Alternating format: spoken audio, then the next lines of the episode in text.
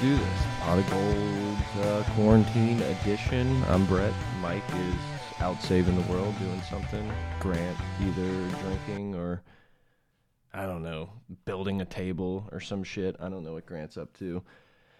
Uh, it's been a little bit. Last time we got together, it was a lot of exciting news. We talked a lot about spring practice that didn't really happen. There was a couple of them. The uh, the Myles Brennan era began and then went on hiatus pretty quick.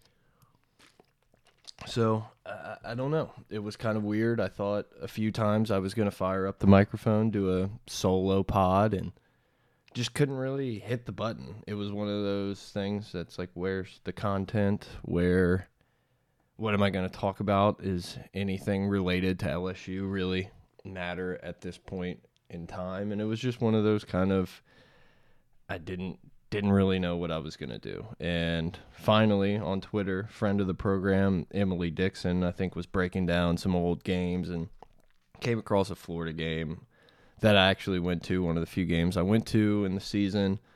And it was kind of breaking down the Ja'Marr Chase wheel route to, or the Joe Burrow, you know, pass to Ja'Marr Chase on the wheel route that kind of iced the game with six or so minutes left in the game. And I just quote tweeted it and I said, This is one of my top five favorite plays uh, of the entire season. I don't know if that's because I was there or or what, but and then our good friend, I think it was Drew. I'm sorry, I'm gonna try to scroll real quick. Yeah, our boy Drew on Twitter asked a great question. It was like, "What's the other? What what was the other five? And I was like, "Well, shit, I don't I don't really have an answer to that. I just knew this one was in one of them."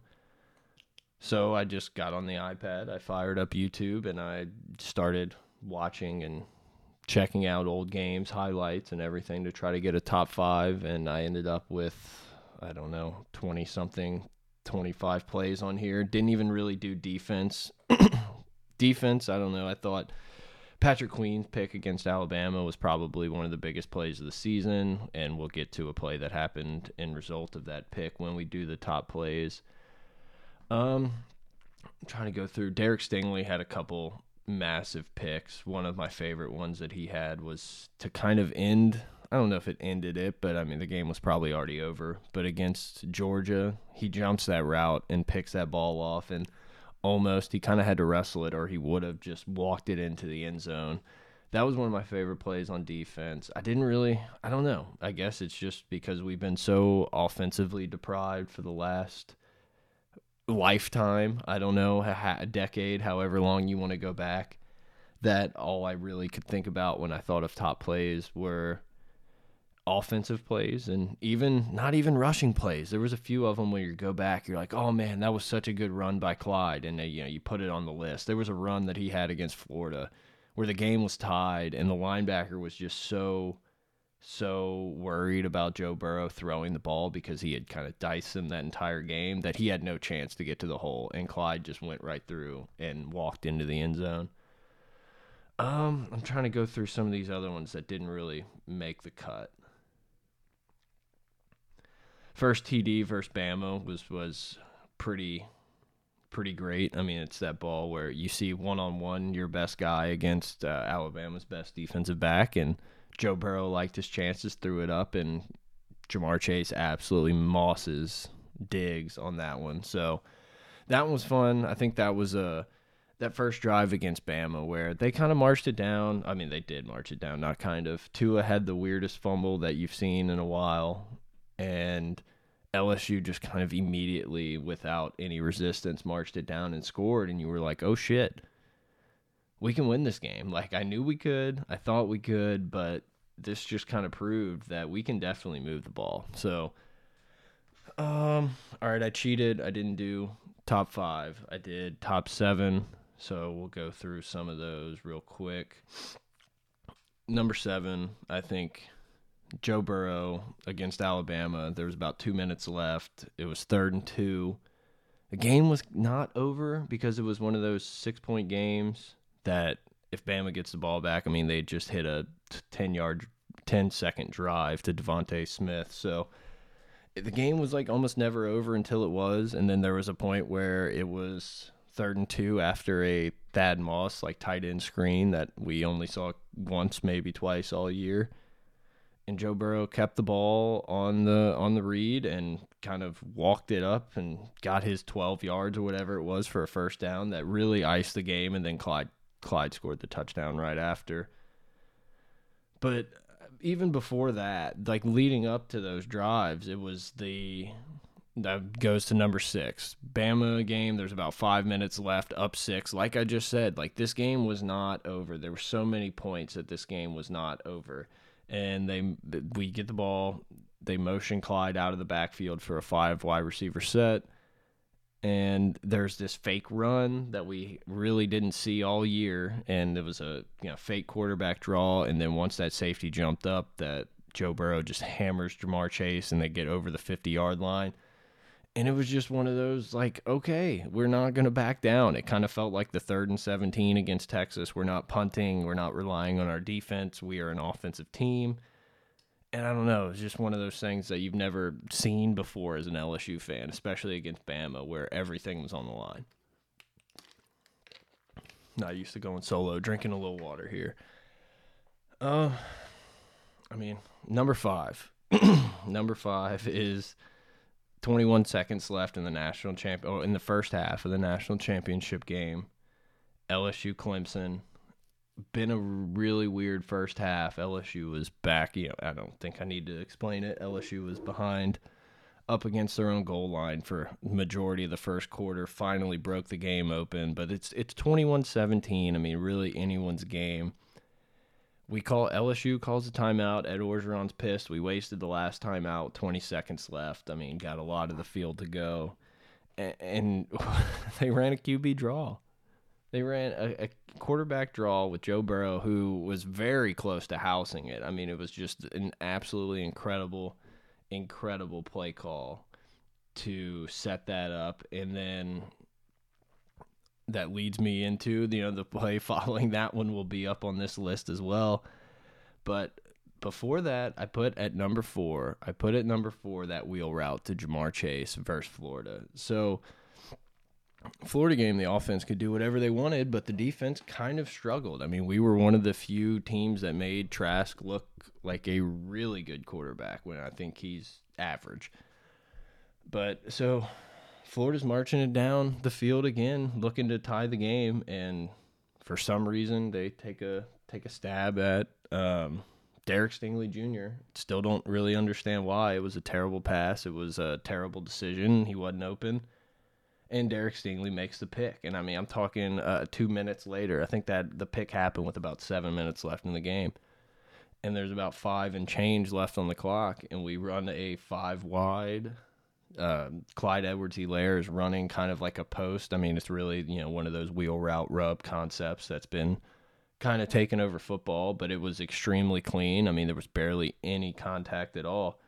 And it was just this most beautiful breadbasket throw to from Joe Burrow to Ja'Marr Chase, which seems that seems like it's you know a recurring theme in the top plays. But I, I don't know. Like I said, I don't know if it was just being there seeing the play develop, being kind of in a, in a good spot to watch it. I think I've went back and watched that play from the different angles on ESPN.com maybe a hundred times. It's just, it was just so impressive. Right when he threw it, I, I screamed out loud. He overthrew it. Like I thought there was no way that Ja'Marr Chase was catching that ball, and it just couldn't have been in a better spot. So I have that at number four. I know people are probably going to be mad. No defense, no no runs. if anyone if anyone's ever played me in NCAA, I don't run the ball much. Mike is the uh, fullback, running back, you know, power eye. Let's let's move the sticks. He says he's changed. I don't believe him. I think he's just hopping on the bandwagon. But I've just always thought that the way to win is four and five wide. You know, making the making the defense react to you. Anyway, number three. So you know, number five, we went to the quarterback draw versus Clemson to end the half, or right at the end of half the last play of the half where Burrow gets absolutely destroyed, cracks a rib, tears cartilage, whatever it is, and throws the touchdown pass to, to Thaddeus Moss, who had the game of his life in that national championship game. I put that at number three. I just it was it was just such a great play. Both of the guys were on the same page. Burrow has to throw it before Thad Moss even turns his head. Thad Moss could have easily taken that route to the uh, to the pylon. Instead, he finds that soft spot. Burrow lets it rip, knowing he's going to get crushed. It was just, I mean, not that it was a Heisman moment, and I could have picked some of those Heisman moments, like against Georgia or, or a few other things, and uh, you know they're they're all out there. Joe Burrow had 65 Heisman moments in that year, so I just I don't know that play sticks out. I think it was possibly because when LSU scored that touchdown there, I think LSU, LSU was definitely getting the ball to start the half because the initial punt that they held Clemson to put us on the goal line. That was the moment I knew LSU. I, I knew, I thought, I knew, I felt like I knew LSU was going to win the national championship. So I think that one sticks out in my head a little bit more than most. But it was just it was such a great play and it's just it was just like yep you can take your lick we're still going off the field with seven points and you just can't catch up all right number two third and 17 i couldn't put this play at one i felt i wanted to put it lower and then when you stare at it and look at it and see all the other ones just kind of the significance of third and 17 against texas is just so much bigger than other things because we didn't know what this team was. We didn't know who this team was. We didn't know Joe Burrow was a Heisman or even a Heisman contender. We thought, like irrational LSU fans, that we had a chance to win the SEC. And going into that Texas game, there were moments in that Texas game where you thought we can beat anybody, and there are moments in that Texas game where you thought, man, we have some trouble on the offensive line. We haven't been able to get a ton of pressure. This team's moving the ball and like a few times this season, like I talked about in the Alabama game, there was a, a nut check time where LSU takes a sack and up six. There was a few times that that happened this year. Auburn, uh, Bama, this game against Texas, where we were never up that like full score.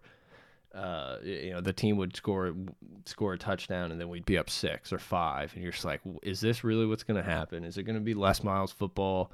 where we three and out punt and we're just praying our defense gets a pick or does something special to to to win this game for us. And this was the first time that we saw the offense just take the bull by the horns, you know, take whatever, grab it by the nuts, and and just say we're taking this game over. We're running four verts. Clyde, you pick up the blitz, and and Justin Jefferson showed once again why he's the most underrated maybe not now after all this combine stuff and he goes first round, but one of the most underrated players in LSU history, SEC, whatever you want to say. I mean, not making an SEC, whatever, all American, whatever, all SEC team is just an absolute joke. But I couldn't put I couldn't put third and 17 higher than this one because everything I just said, everything I just said about that Texas game and not knowing who we are LSU found out who they were along the way, but they still had that one giant monster named Nick Saban that they couldn't get past. And my favorite play of the entire season, after the Patrick Queen interception that we kind of talked about before we got into it, LSU scores with what 13 11 seconds left to go on the touchdown to Clyde where they run that like levels concept which they actually ran the exact same play against Oklahoma and Oklahoma did a great job of defending it and they still hit Terrace Marshall for a touchdown. But they run this they run this levels concept and Joe Burrow once again just absolutely rips that ball into Clyde Edwards-Helaire for a touchdown and then that was the point I think that made it 33-13 and you're just like, we, we got it. We're in. And I know the game got tight, like we said at the end with the QB draw or the zone read, but it was just one of those moments that the the I don't want to say the balls to make that play call because you're obviously going to try to go for the end zone, but it was just to make the right call at the right time, trusting every one of your guys, saying three points is not enough. Just everyone involved in that play. It was just such an awesome play. So that's the one I have as the number one, big time, my favorite play of the entire season.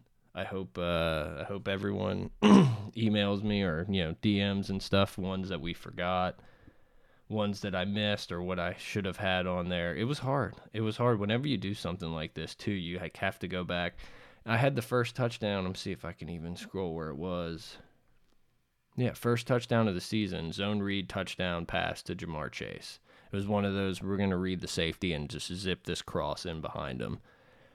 that could be up there. That could be up there. I love the Justin Jefferson play where he went and did this like backwards jump and high pointed the ball on the touchdown. Um, I said the Stingley pick, first touchdown against Bama. I think we talked about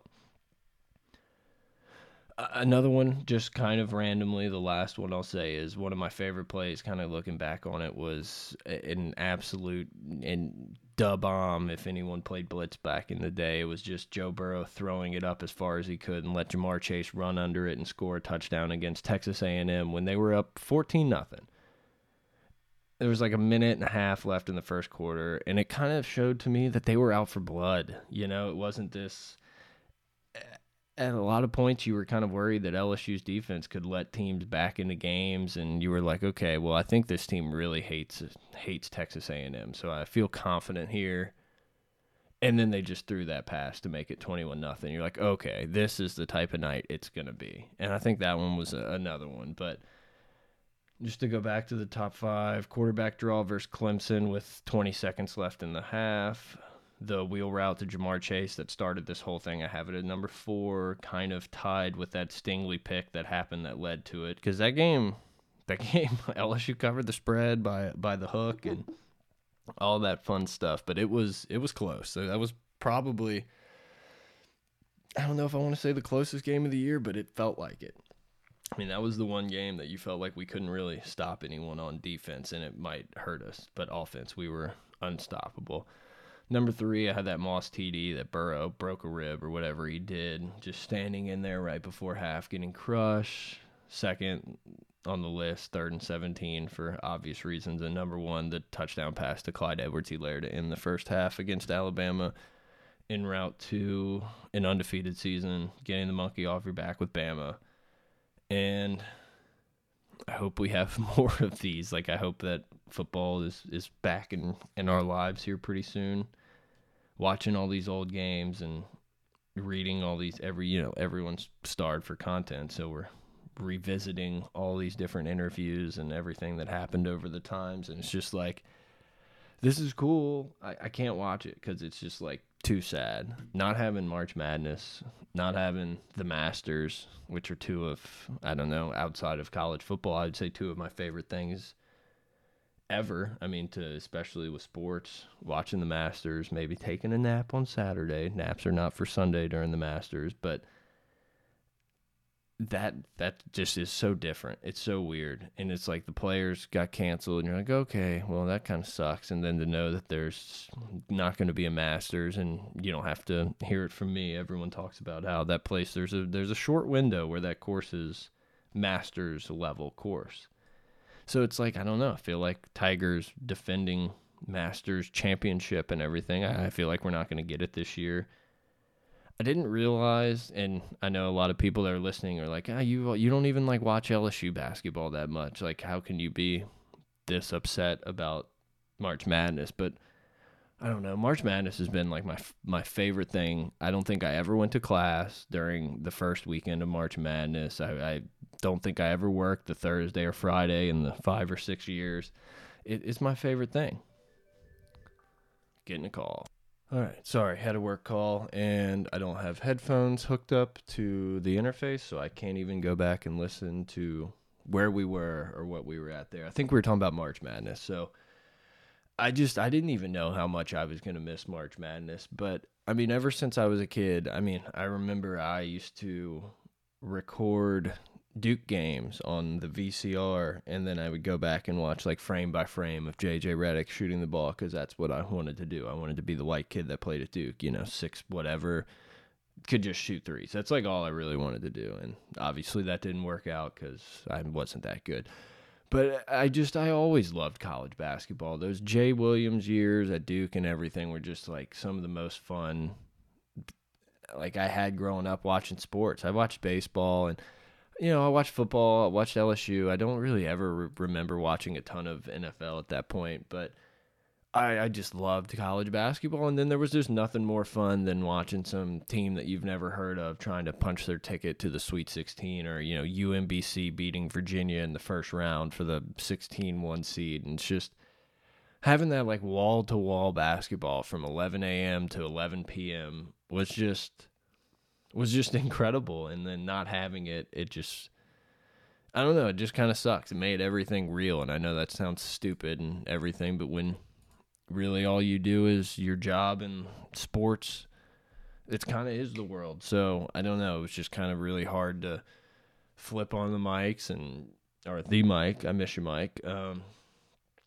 and start talking about sports that aren't happening. And I mean, there's I know there's a ton of people out there that are doing content and they're doing really good content. I think that we could probably do that, but it was just kind of I don't know. I feel like I was in this funk for a couple weeks, which is kind of weird because working from home is just so much better than going to the office. Like I know everybody's in terrible you know, there's a lot of people that aren't having a great time out there losing their jobs and I don't want to act like I'm taking it, you know, lightly, but I've been so happy just in general because I don't have to go to work every day and sit in the cube. I'm still doing stuff. I'm shit. I think I work better. I think I'm getting more done now than I would at the office, but I feel like I've just been like so happy.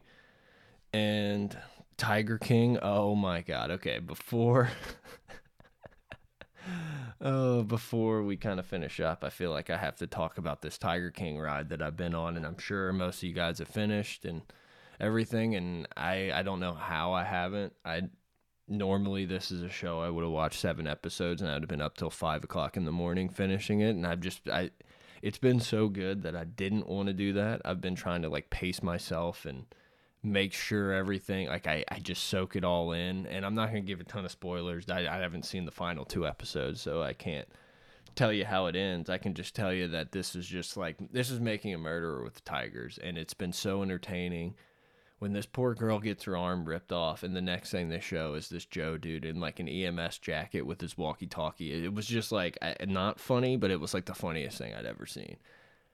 It's just making a murderer had that feel where it was like everything was funny but it was also like super shitty because you felt like so bad for these people. And i don't know that i feel bad for these tiger people but i mean there is this like come on. It's, i don't feel bad for doc antle. Dude's crushing it. But there's just so many moments in there and i just like specifically remember making a murderer when that kid said he like asked if he was going to see wrestlemania and they were like no bro and i was just like it still hurts me that that kid didn't get to see wrestlemania that year or maybe any year, I don't know. But I can't wait to finish Tiger Nation, whatever it's called, Tiger King, Joe Burrow. But I, I don't know. I had to talk about that for a second. I don't know. I mean, look, this was quick, 20 minutes or so. Not really a normal pod. Hopefully, Mike will uh, be able to join us at some point. We can do something, something else. Let us know. Let me know if you want more of this or if you guys have your own stuff everybody seems to be starting a podcast during the uh, during the hiatus, the quarantine. So I don't know. Maybe you guys are like, yeah, no, you we'd rather your stuff different the way you guys normally do it, and we can find our stuff elsewhere, and that's fine. But I don't know if you all want to do more little quick things like this. Let me know. I can always find some some free time here and there. I don't leave the house ever, which is my dream. But I don't know. We'll uh, we'll talk about more things soon. I think I think I found an old pod that has our original music and I'm recording in it right now, so hopefully that was a little treat for some of the OG people out there. Um, let me know about the list. Let me know what you guys think. Hopefully you enjoyed this quick little 20 something minute podcast and I don't know, hopefully we'll do it again soon. Over and out.